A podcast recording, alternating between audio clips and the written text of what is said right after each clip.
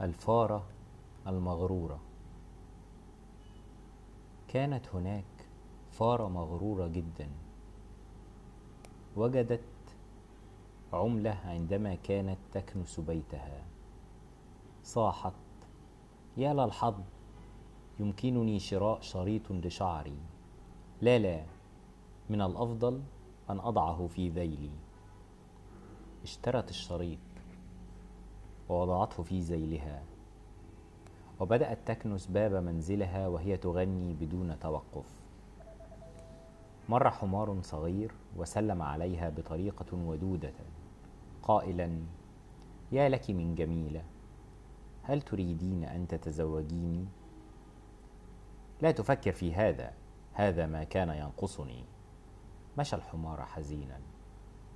وبعد ذلك مر من هناك الدب.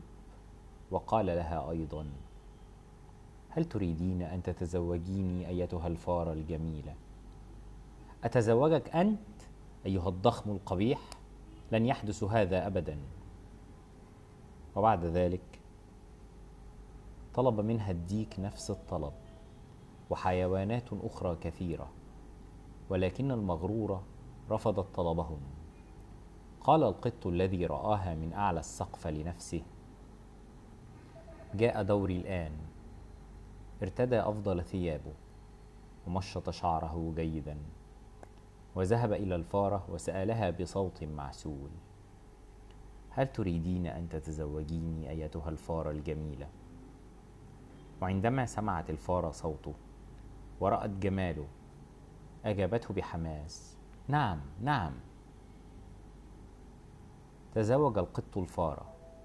في جو مليء بالفرح وبمجرد انتهاء حفل الزواج قال العريس لعروسه فلنذهب بسرعة إلى المنزل لإنني جوعان.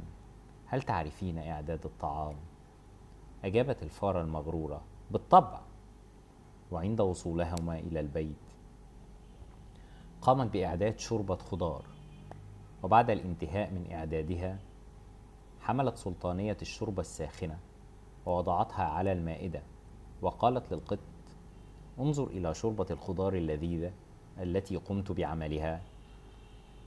شوربة خضار أنا أفضل اللحم. وبدأ القط يجري وراء الفاره التي صرخت من الذعر وطلبت المساعدة.